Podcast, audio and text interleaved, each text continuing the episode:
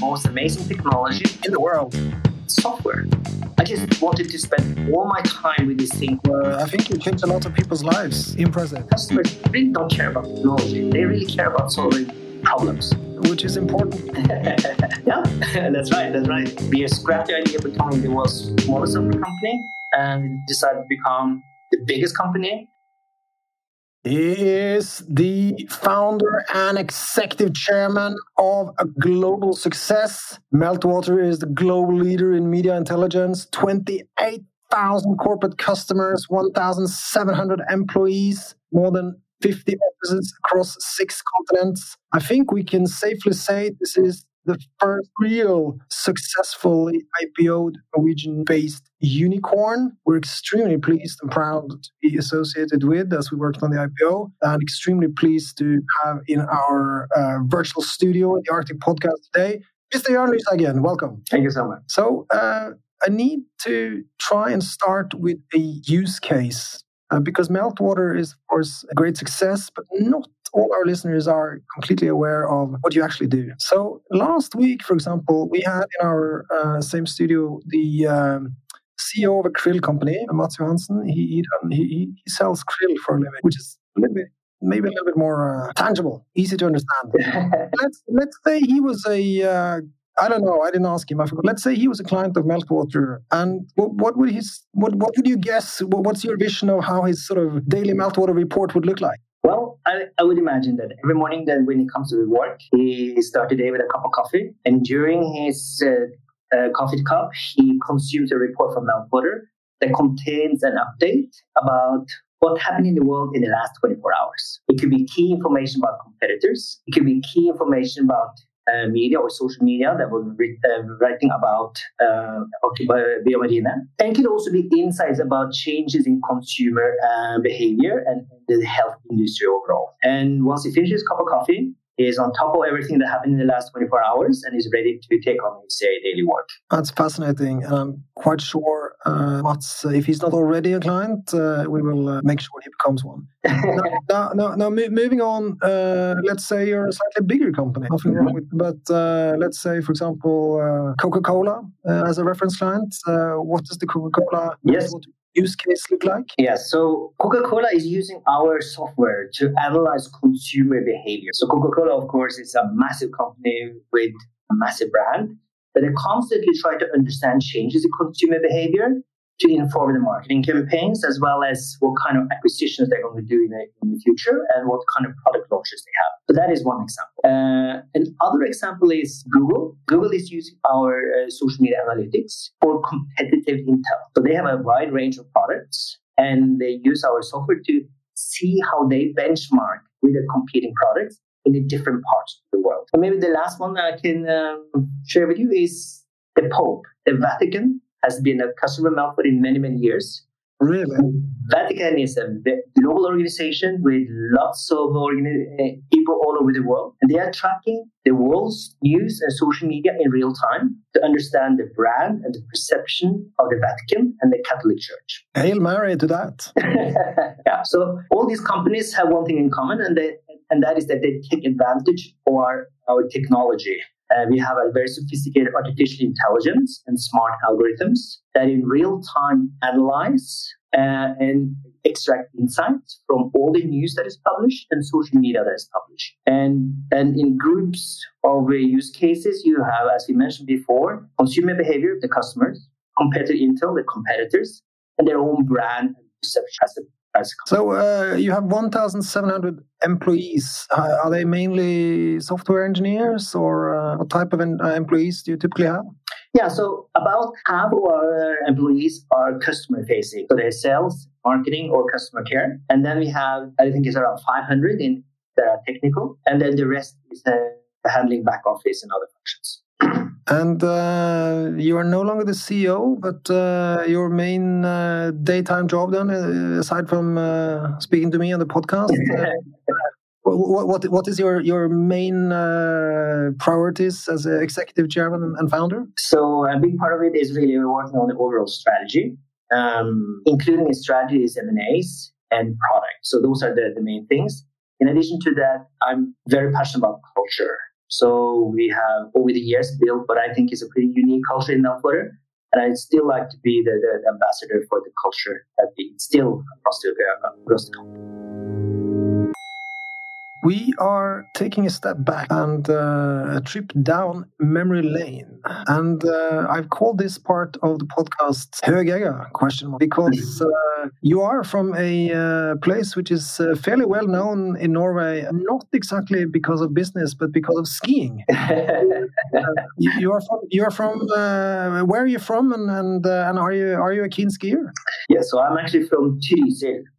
or to be more specific, a small village in Trysil called Nybergsund or Sunne, they call it local. So yes, when I grew up, I was a very keen skier, but more of cross country. Trysil was originally famous for cross country skiing. Um, but of course, I've been in Høgegga, I like downhill skiing. Growing up in Trysil, I'm very fond of winter and, and uh, winter sports. Uh, and I have generally very fond memories from my childhood. Every year I'm back, you know, when you go back to Trysil, you're guaranteed white Christmas. So it's always a welcome, welcome week during Christmas and New Year's to be back in Trysil with friends and family and just chilling. And uh, your upbringing, um, I think you use uh, common sense, but in Norwegian you said uh, sunt bondevet. So you, you, don't come from a family of uh, entrepreneurs and uh, software developers?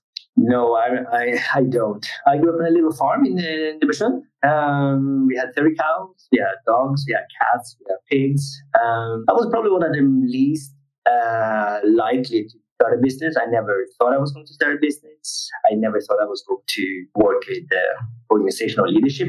I was a nerd, so I thought I was going to do something that was math related. And, uh, you know, my first job was actually as a research scientist in artificial intelligence. But you know, because of the internet, I got really excited about the internet and stumbled into the world of entrepreneurship. Uh, but that said, although my background is really not on business, I think a lot of the learning as got as a child, working hard, um, being humble, um, don't expect anything, but you know, if you want to get something, you need to do to build it, earn, earn it. Um, I think all of those things have uh, served me well. And of course, uh, we, we all respect the hard work, come a long way so far. But uh, before you started as an entrepreneur, you had a stint at uh, Iowa State University. Right. I, I, I Googled I googled most famous people that went to Iowa State University. Do, do you do you remember anyone?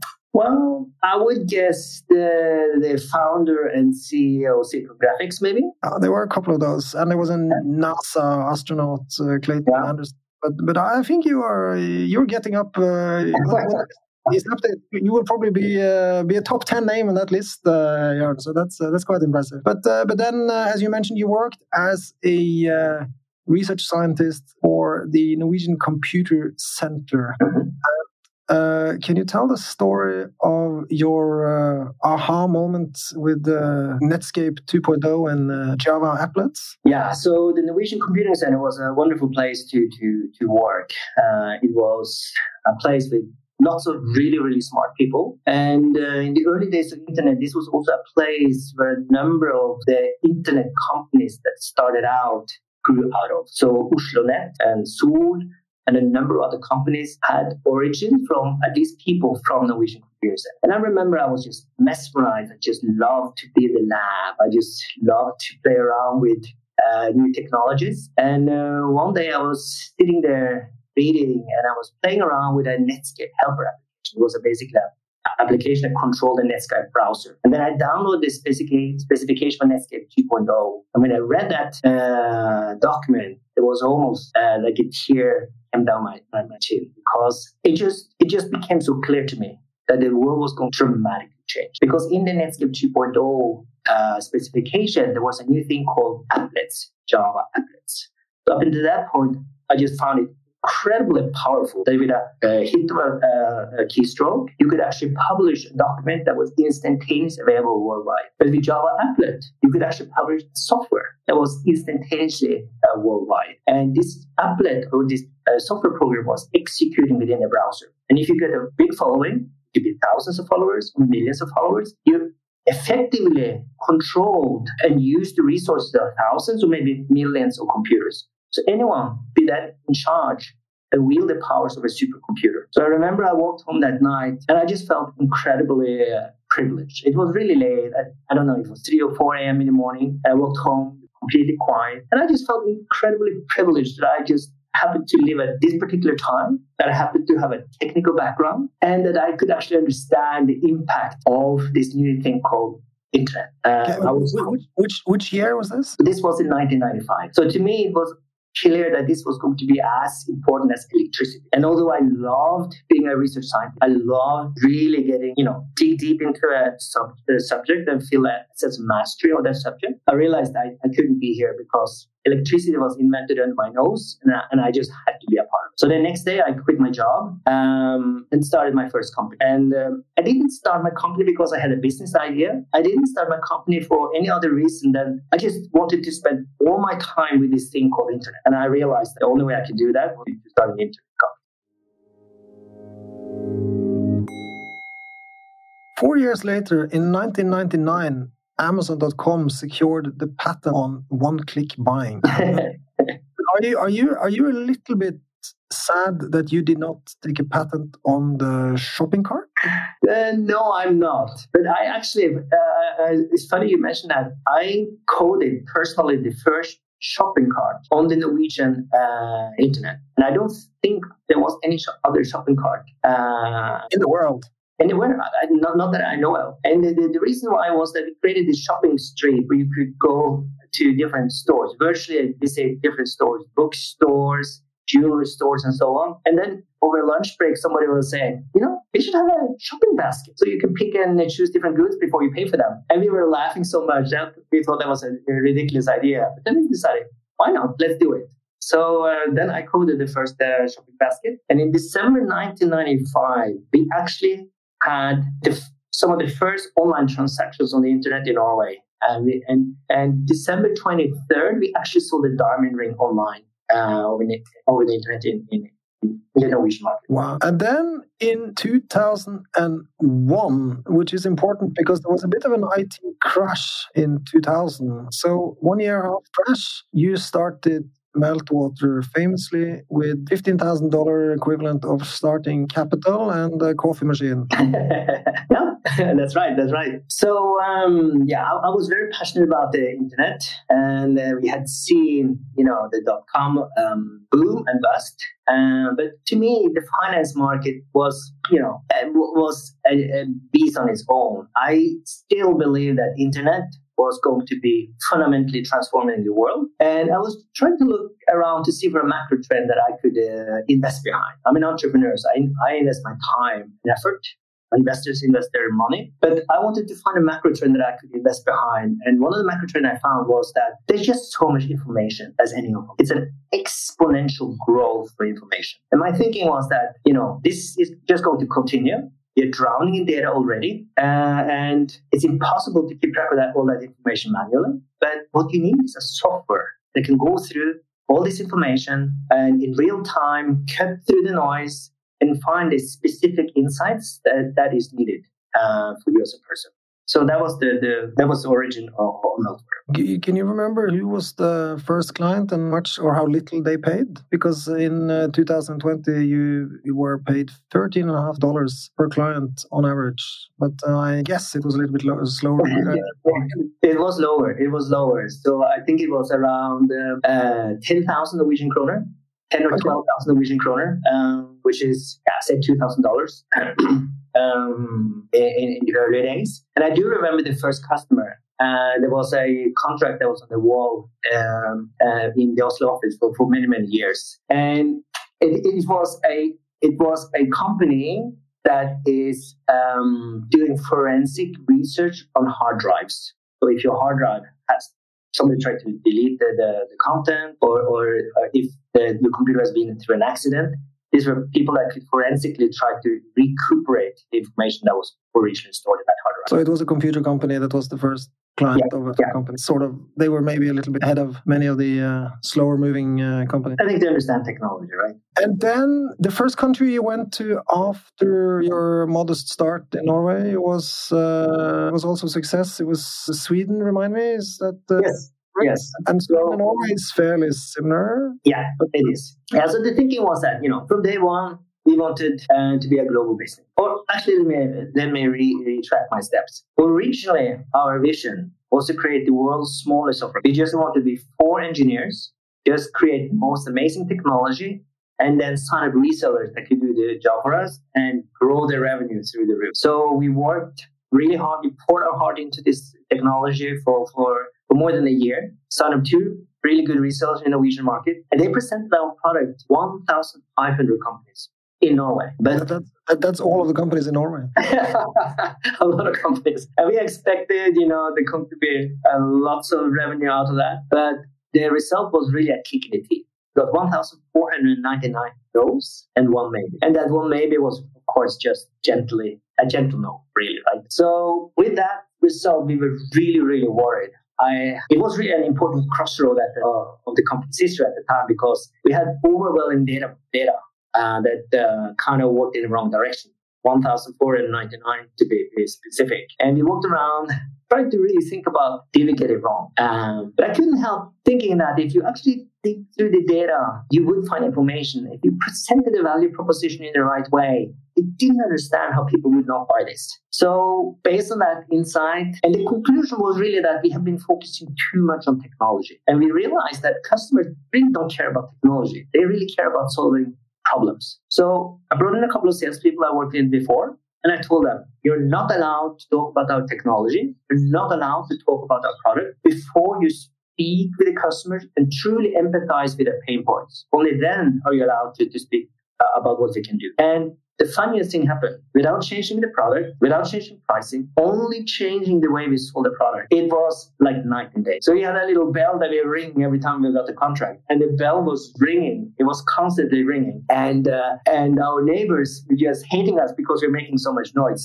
And uh, it was yeah, it was a really important uh, learning uh, for me as an engineer. So I realized I had to take away my engineering pride. Big part of the value creation is really in the interaction with the customers, really understanding the pain points, presenting the value in the right way. So at that point, we realized, you know, we scrapped the idea of becoming the world's smallest software company and decided to become the biggest company, at least in our industry. And that's where I poured my heart into building the sales organization for the next 10 years. And as all good uh, Norwegian companies, when they want to uh, go internationally, we are testing testing our, our ourselves in the Swedish market. So uh, that's what we did as well. And, and you, uh, you, you, succeeded in Sweden. And, and how many countries were you successful in before you went to America? So Sweden was very successful. When we went in the UK, we turned out UK was very hard.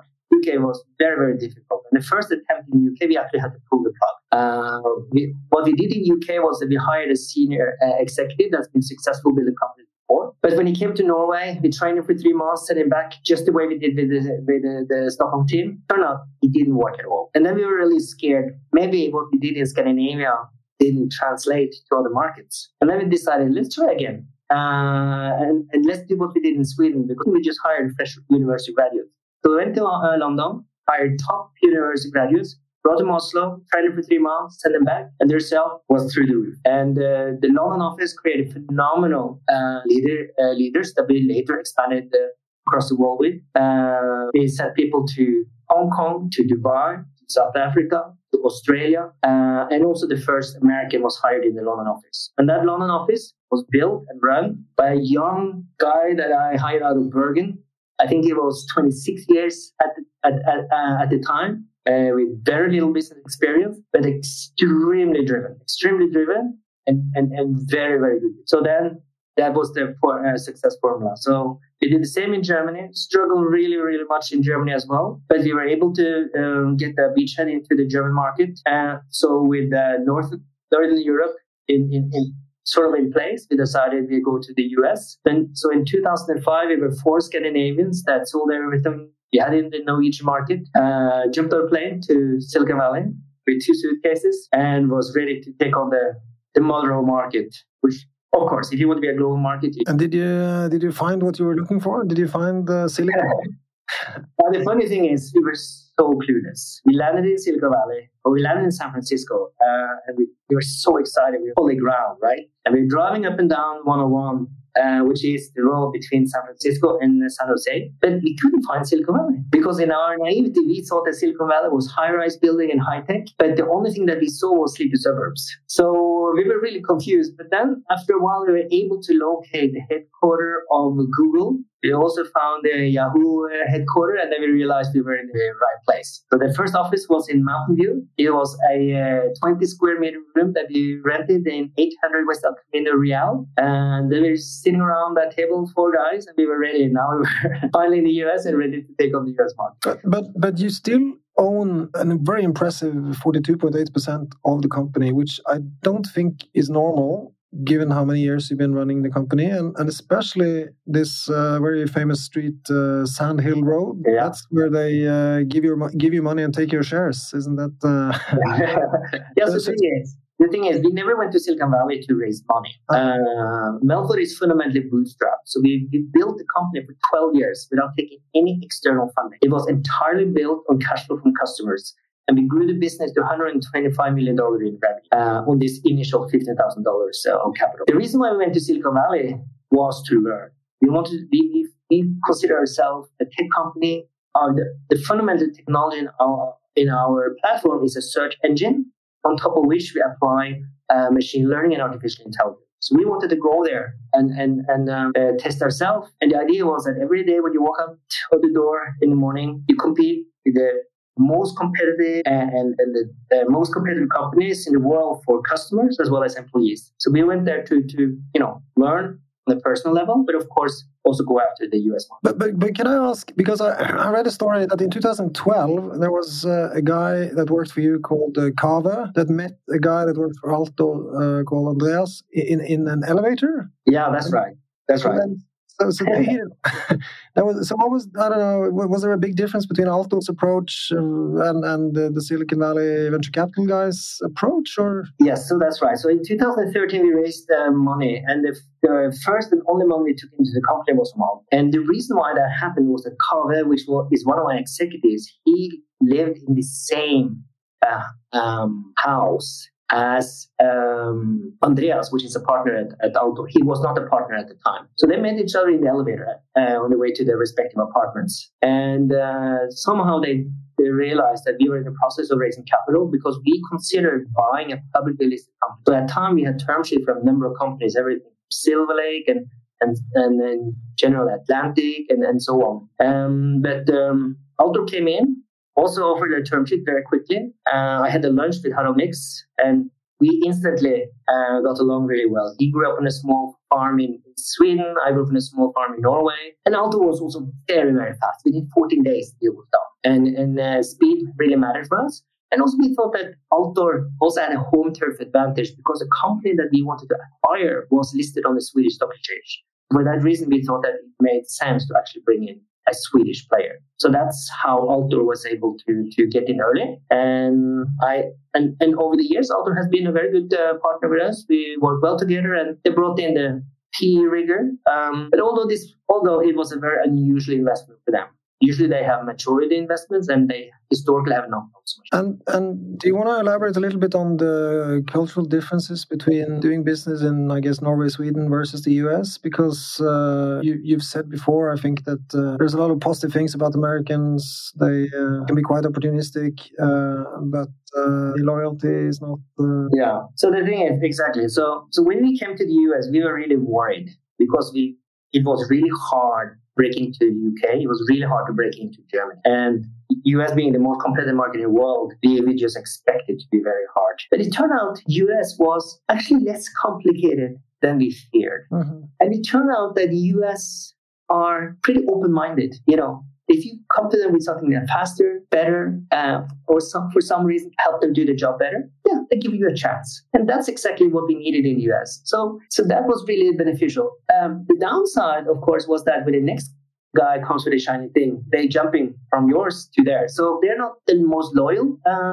customers, but they give you a chance and they pay fair price. And if you do a good job, they um, they stick around with you. But it is very competitive. You need to be on your toes, and but, but this is pretty cool. That's that's that's what we really want. You know, you want to be challenged, you want to be better. Do you think that there is a hard churn for software companies and their surveillance companies in sort of English speaking or Anglo Saxon companies uh, countries than say in the Nordics in general? I think generally, I, I, think generally it is. It's definitely very different uh, from country to country, and uh, the most loyal customers, best customers in the world, are in Japan. they always pay on time. And if you don't send the invoice uh, uh, at, at, time, they even call you up and say, you know, after being very polite for a time, they, they ask if politely if you have forgotten to send them an invoice because they're ready to pay. so those customers are, are absolutely lovely. But they, they are very, very loyal. Um, but it takes time to break into Japan. But the Japan market is is an incredibly interesting market, and we, we think that is a big growth opportunity for us for sure. I want to touch a little bit upon philanthropy, and uh, philanthropy can mean many different things. But uh, the first thing I want to touch upon is maybe what you're not expecting. Uh, that is uh, philanthropy towards your employees. Mm-hmm. Uh, I read that uh, in 2011, mm-hmm. when Lottery had a 10-year anniversary, you gave 10% of your shares to the employees. I would call that maybe not philanthropy, philanthropy, but certainly is an extremely nice gesture. Can you can you remember a little bit your thinking around it? Time? Yeah, uh, absolutely. So it was 10% of the company. It wasn't 10% of my, my, Oh, even better. Even better. Yeah. yeah. Now, the thing is, so building Meltwater been an incredibly hard job. We built it with no money. We are always the underdog. Every new market you enter, uh, it's a humbling experience because it's like starting the company from scratch. It doesn't matter what kind of track record and what kind of result you have in other markets. And I have been incredibly fortunate to work with so much talented people. And people have been so loyal. Uh, 150 people have been in Meltwater for more than 10 years. And so when you work so hard and, and, and uh, fight so hard together, you, you become very, very, very, very strong friends. You build very, very strong bonds. And um, it was really more a gratitude to everyone that, you know, believe in a small, uh, small Norwegian startup, particularly for, for people that join in other markets. Uh, that what, what is Norway? What has what is the reputation of Norway? And so people that took the leap of faith and join us, and people that work so hard um, to build what the, the, company is, and that was that was really the motivation. And and it was. Com- complete surprise for everyone in the company. It was something that people absolutely loved and appreciated as a gesture. Uh, but I think you know, it's something that I'm super happy happy about, and I think everyone it was really well deserved. And obviously, that's uh, ten uh, percent of uh, 1.8 billion is 180 million. uh, I think you changed a lot of people's lives. Uh, but they were maybe, they were maybe, uh, you know, fairly privileged software and salespeople in the starting point. But then another thing about changing people's life is uh, MEST. So, Jan, yeah. what is uh, I don't is it MEST or is it M E S T? It's MEST. Yeah. MEST. Yeah. So, so MEST is is rooted fundamentally in our culture, and you need to be Norwegian and or Swedish to really understand how the acronym came together. So our values is moro, ener, respect, which can remember to be mer. But MEST is really then, you know, the further extension of our values, uh, which MEST in Norwegian means most.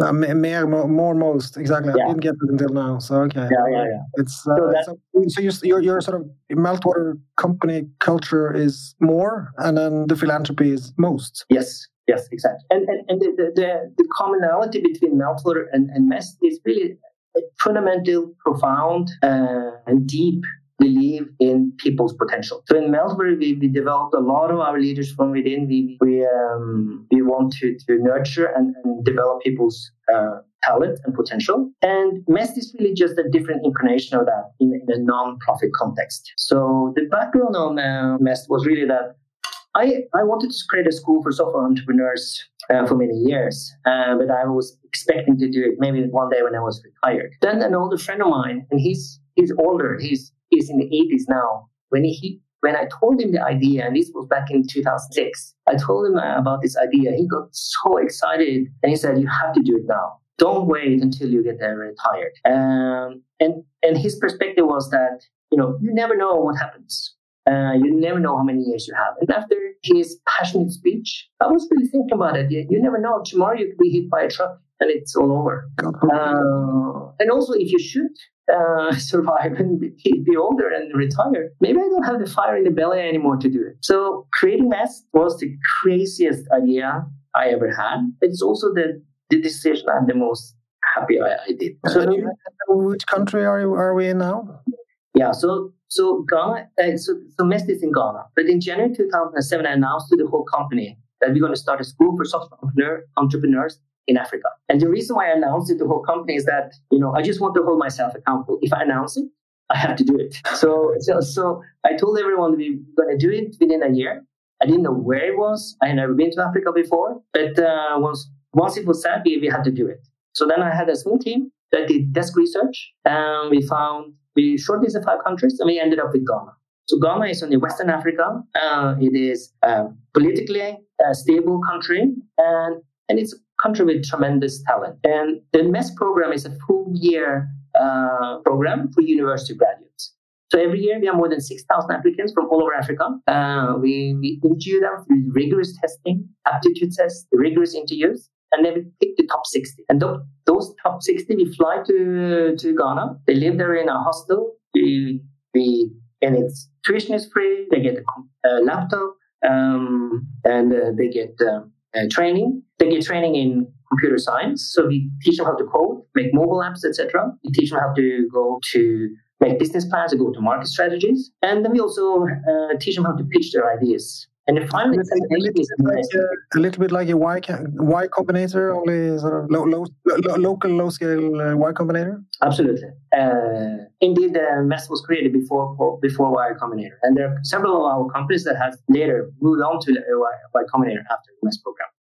And the final examination is actually an investment pitch. And if the, the, uh, the students, or we call it EITs, entrepreneurs in training, if they're uh, EITs are able to convince a real world panel of investors or entrepreneurs from Silicon Valley and other places, because I fly in friends and other people um, that I know. If they're able to convince a real world panel, we give them uh, 100,000 funding to get the company off, off the ground. And MEST takes a minority stake in, in, in, those companies. And the idea is that then um, over time, the whole foundation will then be, um, financially uh, self-sustained. Uh, but uh, so far, Meltwater has been donating uh, between two and two and a half million dollars the very beginning um, in 2007. And now this is a very um, yeah, digestible amount. But in the early days, people thought I was crazy because in 2006 we had 20 million dollar in bookings, and in 2007 I committed 20 million dollar in in, um, in funding the funding the school over the next 10 years. And I thought it was something that I wanted to do, and I thought that this was the time uh, instead of waiting. And can I just uh, summarize this uh, fascinating podcast by adding that in addition to your uh, $1.8 billion market cap company that founded, Bootstrap, run successfully, you had a 15% EBITDA margin in the last quarter and you have a 20% target. So you're almost there. Uh, you have your philanthropy. You also wrote a book, which I read. I quite enjoyed it. I, I, read a lot of books, and uh, Outside Insight I thought was um, easy. Can I ask uh, how many copies you sold, or uh, is that the state secret? I don't even know actually, but uh, what I can say is that the book has been translated to Japanese, Chinese, German, uh, French, and Spanish. That's a lot of countries already. And how did you find the time? And, and what was your key motivation to write a book in addition to daytime jobs?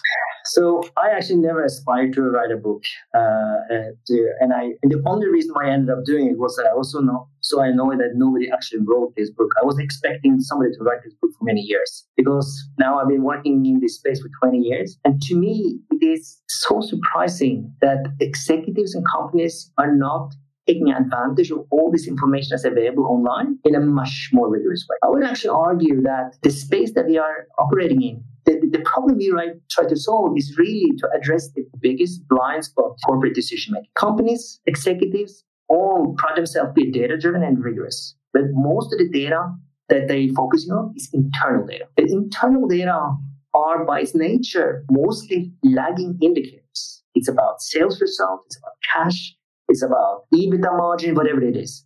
But those are all historic information. It's like driving your car looking in your rearview mirror.